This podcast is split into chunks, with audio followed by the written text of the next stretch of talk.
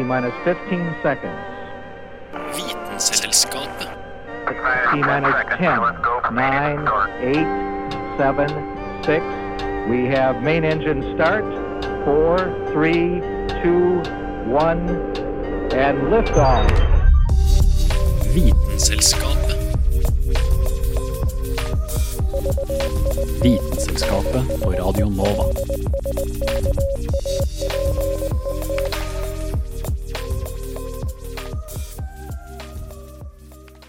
Hei, og hjertelig velkommen til en ny utgave av det alltid så dynamiske programmet Vitenselskapet, her på Radio Nova.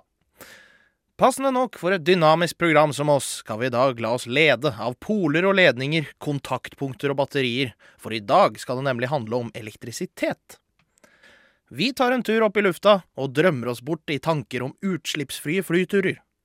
Vi tar en tur ned igjen for å bli kjent med noen naturlige Duracell-kaniner, nær sagt.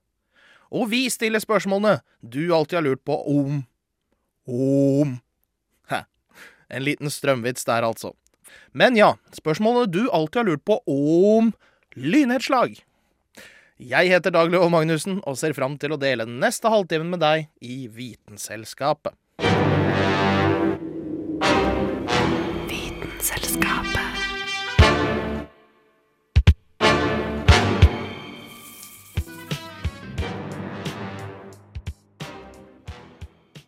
Men vi begynner litt atypisk, ski. For har du noen gang lurt på hvorfor håret ofte blir elektrisk om vinteren? Hvorfor du kan få støt når du berører et annet menneske? Eller hvorfor en ballong blir elektrisk når du gnikker den mot håret ditt? Svaret er statisk elektrisitet.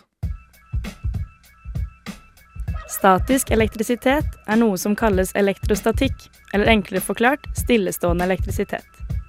Statisk elektrisitet oppstår når et objekt enten får tilført eller gir fra seg elektroner. Siden elektronet er negativt ladd, vil et nøytralt objekt som gir fra seg elektroner, få en positiv ladning, mens objekter som tar til seg elektroner, vil få en negativ ladning. Vann har stor evne til å frakte elektroner, så ved høy luftfuktighet vil statisk elektrisitet bli redusert. Om vinteren derimot vil det være mindre fuktighet i luften, og vi opplever en økning av statisk elektrisitet. Har du opplevd at håret står til alle kanter når du tar av deg lua? Når hår blir gnidd mot ull, vil ullen ta til seg elektroner fra håret. Håret vil derfor få en positiv ladning. Om du noen gang har prøvd å sette to magneter sammen, men merket at de har frastøtt hverandre isteden, er dette fordi du har satt sidene med lik pol rettet mot hverandre. Det er det samme som skjer med håret ditt. Når hårene gir fra seg elektroner til ullen, i f.eks. en lue, vil hårstråene bli positivt ladet. Siden like ladninger frastøter hverandre, vil da hårstråene med positiv ladning fyke ut i motsatt retning av hverandre og ende opp med å sveve opp over hodet på deg. Du har kanskje opplevd å få støt når du skal hilse på noen, eller kanskje bare av å ta i et dørhåndtak. Det er også pga. statisk elektrisitet. Huden har ofte et overskudd eller underskudd av elektroner, dette kan skje pga. at du tar på et møbel eller stryker hånden over kjøkkenbenken. Når hånden senere berører et nytt objekt, vil det oppstå en spontan utladning. Denne utladningen kan få spenningsforskjellen til å overstige hele 2000 volt, som gir deg en gnist ved berøring av ledende materialer. Det er som sagt om vinteren eller i kalde omgivelser vi oftest opplever statisk elektrisitet. Men ikke nødvendigvis. Du har helt sikkert prøvd å gni en ballong mot håret, for så å feste ballongen til veggen. Men hvorfor skjer egentlig dette? Hvorfor kan håret ditt gi en ballong superkrefter og få den til å bli hengende fast på veggen? Dette skyldes også overføring av elektroner og ulike ladninger. Når du gnir en ballong mot håret, vil plasten ballongen er laget av, ta til seg elektroner fra håret. Håret vil da få en positiv ladning, mens ballongen ender opp med negativ ladning. Når du så holder ballongen opp mot veggen, vil elektronene i ballongen skyve elektronene i veggen fra seg. Da ender veggen opp med et overskudd av positiv ladning. Og siden vi vet at ulike ladninger tiltrekker seg hverandre, vil da ballongen bli hengende der til den positive og den negative ladningen nøytraliserer seg. Og hun som i dag gjorde det statiske dynamisk, heter Aurora Caroline Thommessen. Vitenselskapet. Vitenselskap. Vitenselskapet. Vitenselskapet. Vitenselskapet. Når det for andre uka på rad er åtte grader og regn utenfor vinduene på Radio Nova, så frister det mer enn bitte litt med en tur til sydligere strøk. Bare synd at Hellas ligger ett tonn med CO2-utslipp unna Oslo. En riktig god morgen, mine damer og herrer. På vegne av Korsberg og hans besetning ønsker vi deg velkommen om bord til oss i Norwegian. Ja, her sitter jeg igjen. På flyet til Rådås. Hvite strender og rosa paraplydrinker venter. Først må jeg bare lide meg gjennom fire timer med flystøy og dårlig samvittighet over at CO2-utslippene mine også i år er fem ganger større enn den gjennomsnittlige indersine. Lurer på om det finnes et alternativ til bensinfly? Bra det er wifi på flyet, da.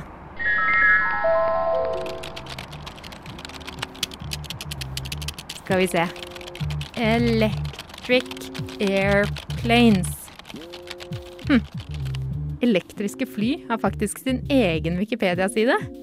Og her står det at elektriske fly faktisk har vært på tegnebordet og i lufta siden begynnelsen av 1900-tallet. I 1927 for eksempel, så ble det funnet opp et elektrisk helikopter i Østerrike-Ungarn. Men hm, helikopteret var avhengig av en strømkabel til bakken. Og motoren brant opp etter et par flyvninger.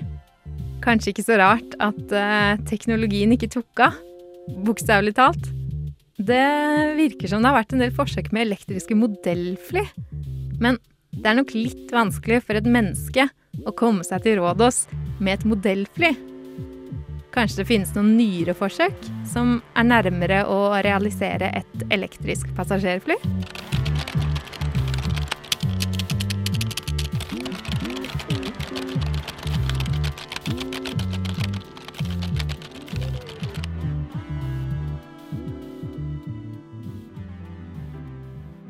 Det finnes i hvert fall ett fly som kan ta et menneske jorda rundt, bare drevet av elektrisitet. Solar Impulse 2 er et minifly som er drevet kun av solenergi. Langs hele det 70 meter lange vingespennet er det plassert solcellepaneler. Og solenergien som treffer panelene, lagres i store litium-ionebatterier om bord. Selv om flyet har mange hundre kilo batterier om bord, så er det bare litt større enn en liten SUV. Så det sier seg selv at den ene piloten det er plass til i flyet, ikke har så god plass. I 2016 så satte Solar Impulse verdensrekord da det ble det første soldrevne flyet til å fly jorda rundt. Jeg vet ikke om jeg ville hoppa på Solar Impulse på vei til Rådås, da. For det første så er jeg ikke utdanna pilot. Og for det andre flyet kjører sykt treigt. Cruisefarten er 90 km i timen. Og en reise fra Oslo til Rådås ville da tatt nesten to døgn. Da tror jeg nesten miljøbevisste meg heller velger tog. Men elbilene starta vel også i det små, så noe håp er det vel for framtida til elektriske passasjerfly. Det virker som de store flyfabrikkene, Airbus og Boeing, NASA og mange mindre selskaper, jobber ganske hardt for å realisere elektriske passasjerfly. Og folk i bransjen mener at jeg om under ti år kan sette meg på et helelektrisk fly. Kanskje ikke hele veien til Rådås, men en kortere distanse, som f.eks. til Stavanger. Det sies at uh, framtidas elfly også vil bli sikrere, stillere og billigere enn i dag. Men når noe er for godt til å være sant, så er det kanskje det også.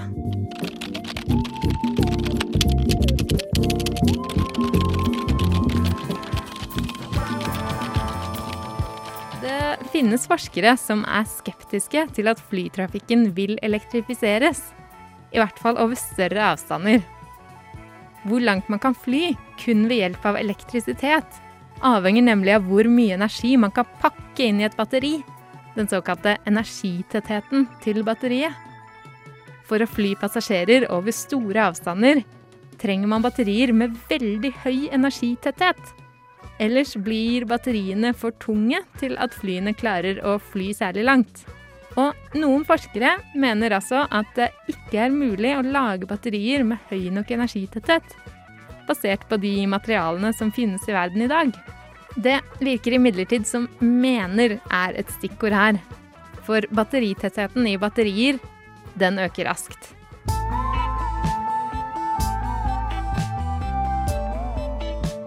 F.eks.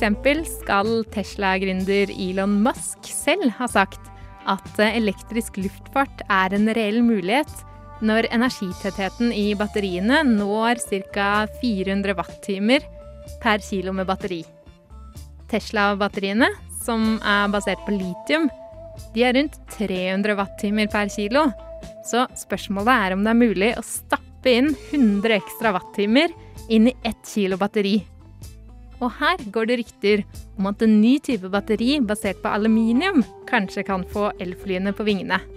Her jeg sitter på bensinflyet til Rådås, håper jeg med andre ord på nye superbatterier.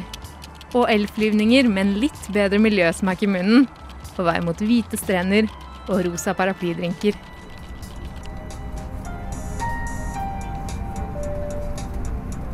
Ladies and gentlemen, welcome aboard. Please may we have your attention while we demonstrate the safety features of this Boeing 737-800.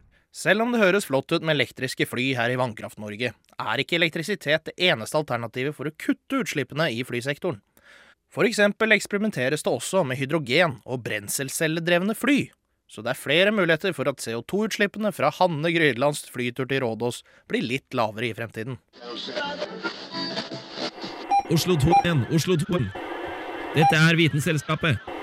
Radio November, Oskar, Viktor, Alfa.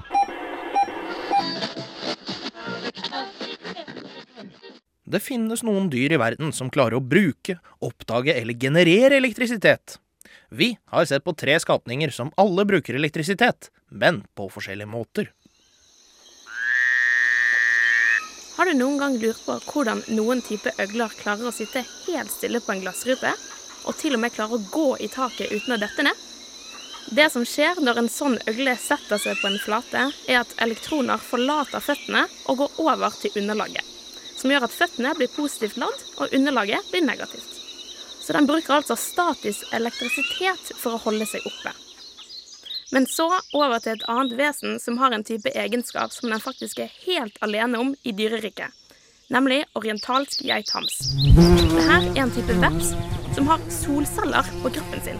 Ja, solceller. Så denne her kan faktisk generere elektrisitet fra sollys, helt likt som menneskeskapte solcellepanel. Selv om vepsens solceller kun er 0,33% effektive og får den meste energien gjennom mat, så er jo det ganske kult. Det siste dyret jeg skal snakke om, og dette er kanskje det dyret folk flest har hørt om fra før av, nemlig den elektriske ålen. Den blir ofte kalt for et svømmende batteri fordi over halvparten av muskulaturen er faktisk elektriske organer som strekker seg gjennom hele kroppen. Disse her er organisert i flere tusen skiver, hvor hver enkelt har en spenning på ca. en tiendedels volt. Så strømstyrken er altså avhengig av hvor lang den er. Ålen har tidligere blitt sett på som et ganske primitivt dyr, fordi den eneste funksjonen den har, er å drepe byttedyret sitt med elektriske støt. For når den angriper mindre fisker, så er det akkurat det han gjør. Den sender ut pulser i vannet som fører til kramper hos eh, byttedyret, og da blir det enkelt for den å spise den. Men biologen Kenneth Catania ved Vanderbilt University, som lenge har forsket på denne her arten, har også funnet ut at den kanskje ikke er like primitiv som forventet. Catania fant ut at den også klarer å bruke strømfeltet sitt på en ganske effektiv måte, og klarer dermed å fange større byttedyr. Når ålen biter tak i byttet sitt, så kveiler den seg rundt, slik at den positive polen, som ligger i hodet, havner ved den negative polen, som ligger i halen. Dette fører til økende strømstyrke, slik at det større byttedyret til slutt dør av ren utmattelse. Den samme biologen har også funnet ut at ålen faktisk klarer å hoppe ut fra vannet og feste seg på ting som er i nærheten. Siden den da ikke lenger er i vann, så vil ikke mesteparten av strømeffekten bli spredt i vannet, som da fører til at støtet blir mye kraftigere. Støtene kan komme opp til en styrke på rundt 600 volt, og selv om dette ikke er nok til å drepe et menneske eller andre store dyr, så er det ganske ekkelt å tenke på at den potensielt kan hoppe opp på deg og gi deg støt hvis du befinner deg i vannkanten. Så en badeferie i regnskogsområdene i Sør-Amerika, der denne ålen befinner seg, jeg kan ikke anbefale. Selvfølgelig med mindre du vil at den skal være full av spenning, da.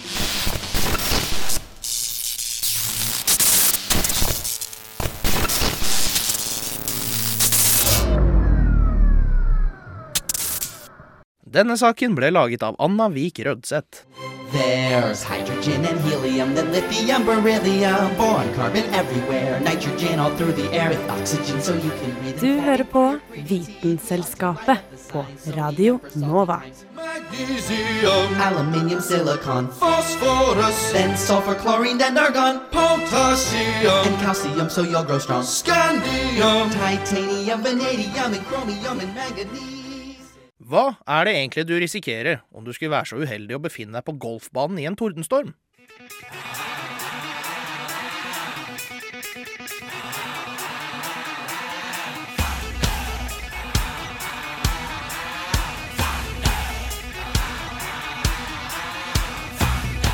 Hva skjer når lynet slår ned? Og i verste fall, hva skjer hvis det slår ned i deg? Lyn slår ned på det høyeste punktet. Derfor burde du ikke gjemme deg under f.eks. et tre, da det er større sjanse for at det vil slå ned der, og kan påvirke deg som står i nærheten.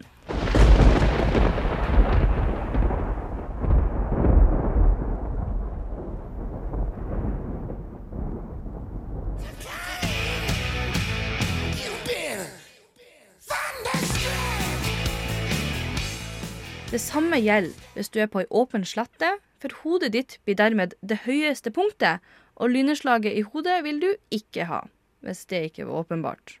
Det går nemlig under kategorien direkte treff, altså at lynet faktisk treffer deg. Lynnedslag i hodet gir størst skadepotensial av alle typer nedslag, og kan være livsfarlig. Det kan bl.a. treffe den delen av hjernen som forteller deg at du skal puste, og gjøre den lamma, som deretter vil føre til at du får pustestans.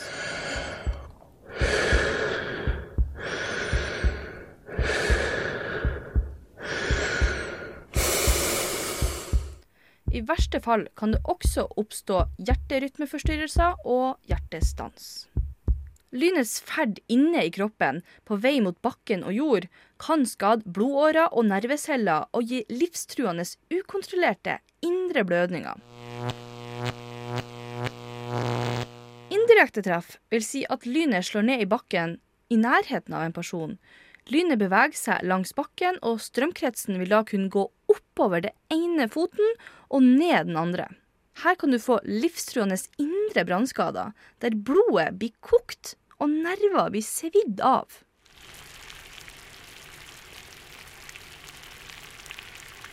Ellers så finnes det jo synlige skader du kan få, sånn som brannskader i hud, ansikt og rygg. Hus skal være ganske trygt for å unngå lynnedslag, og det anbefales alltid å holde seg innendørs hvis det lyner. Men hold deg unna metallkonstruksjoner sånn som dørkarmer og vinduer. I tillegg er murhus tryggere enn trehus. Det skal visstnok ikke være noen grunn for å være redd for å dra ut og reise hvis det lyner. På sånne plasser som i bil og fly kan du være ganske trygg. Fly fungerer nemlig som en beskyttende metallbur, og det finnes lynavledere på alle flyets ror. Til tross for dette så kan man oppleve både store smell, mye lys og til og med litt kruttlukt. I en bil vil karosseriet gjøre deg trygg og føre strømmen videre ned i bakken. Akkurat som om det ikke var nok å få skader av å få strøm i kroppen, så er det vanlig å få skade av at du blir slengt i bakken i et lynnedslag, som kan føre til hodeskader, bruddskader og blødninger. Men personer som er truffet, vil ikke være strømførende i etterkant, så det er ikke farlig å ta på en person som har blitt truffet av lynet. Derfor skal du ikke være redd for å ty til førstehjelp hvis faren er ute. Så hold deg trygg, ikke oppsøk situasjoner hvor du kan bli slått ned av lynet. Det er bare dumt.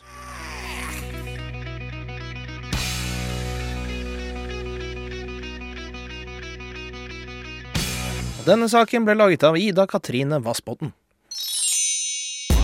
Visste du at? Visste du at? Visste du at på et tidspunkt fantes det rotter på størrelse med flodhester? Josef Wartigasia monesi levde rundt 4-2 millioner år siden, og levninger av den gigantiske gnageren har blitt oppdaga i Uruguay. Du at?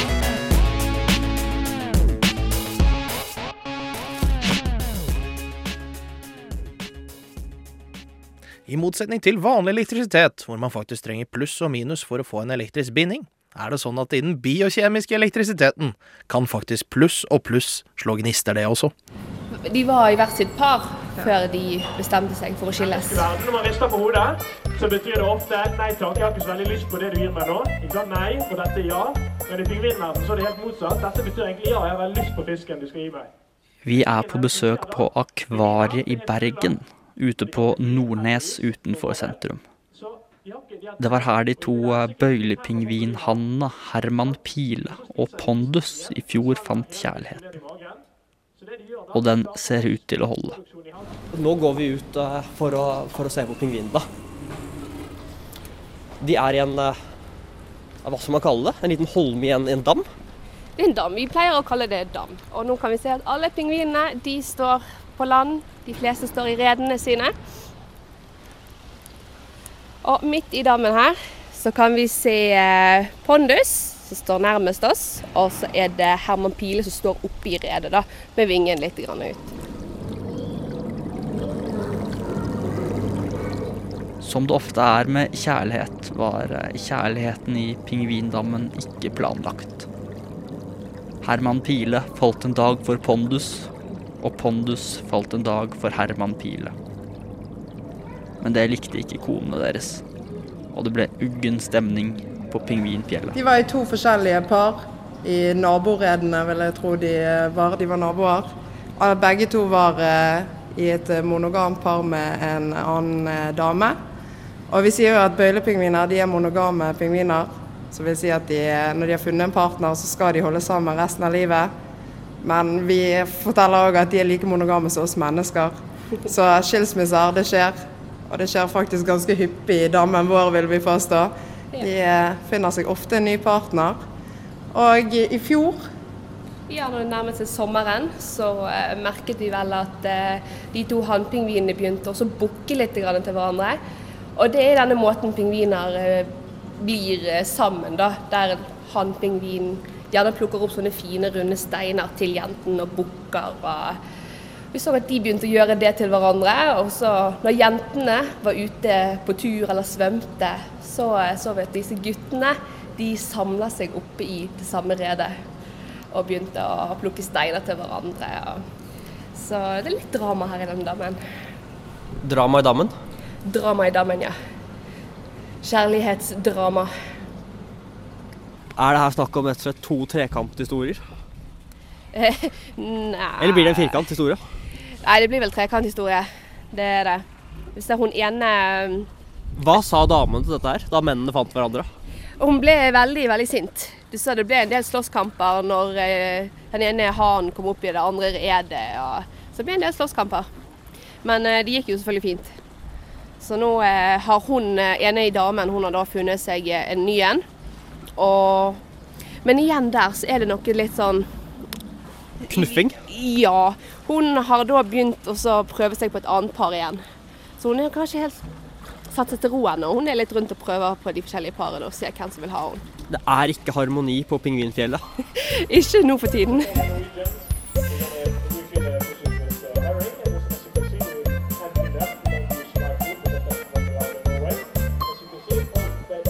I Bergen har pingvinene to dammer.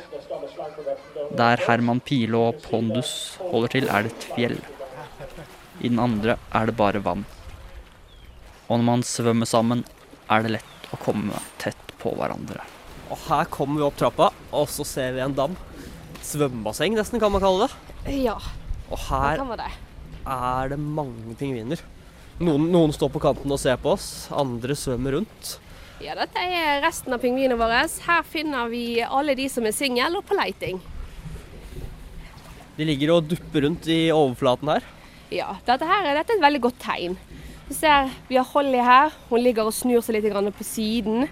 Og på en måte vasker seg. Ligger og dupper i vannet, svømmer sakte rundt og tar seg en svømmetur under vann. Det er et veldig godt tegn. Det viser at de slapper av, og at de ikke stresser. Det kan skje litt av hvert når man lever tett sammen. Det er ikke første gangen akvariet har hatt homofile pingviner. Men det pleier ikke å vare så lenge som det nå har gjort, med Herman Pilo Pondus. På akvariet så er jo det faktisk ikke en nyhet at eh, det var to pingviner av samme par som dannet par. Det har jo vært et eh, lesbisk par her før. Skal vi se der. Her rett foran oss, det er Gulrød, heter hun. Hun er da en av de som var lesbisk. Så det var ikke en stor nyhet, men vi merket jo da at her var det to av samme kjønn som nå har dannet seg et par. Og det syns vi var helt greit, egentlig. Hvis de ville det, så må de få lov til det. De ikke, pleier ikke å holde sammen så veldig lenge. Sånn som de lesbiske, de òg brøt jo til slutt. Det var vel én eller to sesonger de holdt sammen. Kan man da si at man nyter livet mer i Bergen enn man eh, gjør på Østlandet? Kanskje vi gjør det. Det er kanskje påvirkninger av den bergiske luften som gjør oss litt sånn. Herman Pile og Pondus har holdt sammen, men som de to mennene de er, har de ikke kunnet legge egg. Og kan forholdet være det samme uten barn? Løsningen ble å adoptere. Naboparet, det var grønn og svart. Det er jo de som er de beste foreldrene her i dammen vår. Det er de som har hatt flest egg flest år på rad. Ja, de har vel rundt elleve kyllinger her i dammen nå. Ja, så de er de som har flest avkom. Og eh, de la først to egg, sånn som de pleier å gjøre disse pingvinene. Men så eh, en måned, eller to uker etter, eller noe sånt? Eller var det, Det to måneder. To måneder etter. Var det så lang tid? En måned. Ja, det var i iallfall en stund etter, så kom det ett egg til. Og eh, da bestemte vi oss for at eh, tre egg det ble litt mye. Så for at eh, det egget skulle ha best mulig sjanse, så tok vi da og donerte det til paret ved siden av. Så var de to homofile. Ja da, De er jo begge to veldig erfarne foreldre. da. De har oppfostret mange kyllinger før, så dette kan, kan de. Så det ble en kylling? Det ble jo kylling. Ja. Som nå har fått navnet Pride. Om man da sitter her og snakker om den ene pingvinen og dette med den andre, så vil man jo tro at dette er eh, ganske vanlig. Er det det? Det er ikke uvanlig. Nei, det, det skjer blant pingviner. Og Men eh, jeg har ikke hørt så mange tilfeller om det, jeg, da.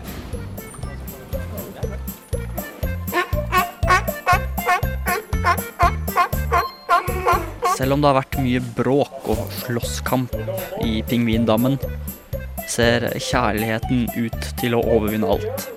Til og med sjalu pingvindamer. Fremtiden ser lys ut for Herman Pil og Pondus. Skal vi iallfall tro de to dyrepasserne. Foreløpig så holder de sammen. Får vi se hva som skjer eh, neste år. Vi får krysse fingrene våre. Det er jo litt stilig. Mannen du hørte her, heter Bjørnar Konglevold Bekkevar.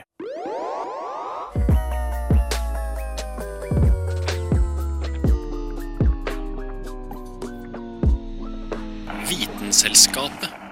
Og da var vi ved veis ende for dagens fest. Men vi åpner dørene og ønsker deg hjertelig velkommen tilbake til neste Vitenselskap neste uke, samme tid.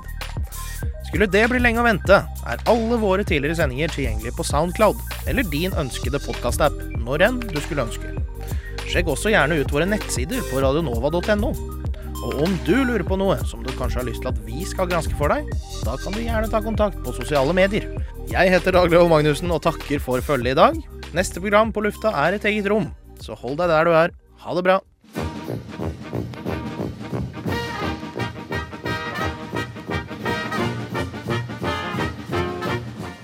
Jeg har lidd av Ja, først har jeg operert for nyresten, gallesten og blindtarm i buken og svulst i underlivet. Så har jeg hatt tre ganger mavesår og en halvdød skjoldbruskkjertel. og syv dårlige skiver i ryggen. Og så har jeg hatt hjerteinfarkt to ganger og angina pectoris én gang og sukkersyke. Og nå er jeg bra. Radio Nova. Hopper der andre hinker.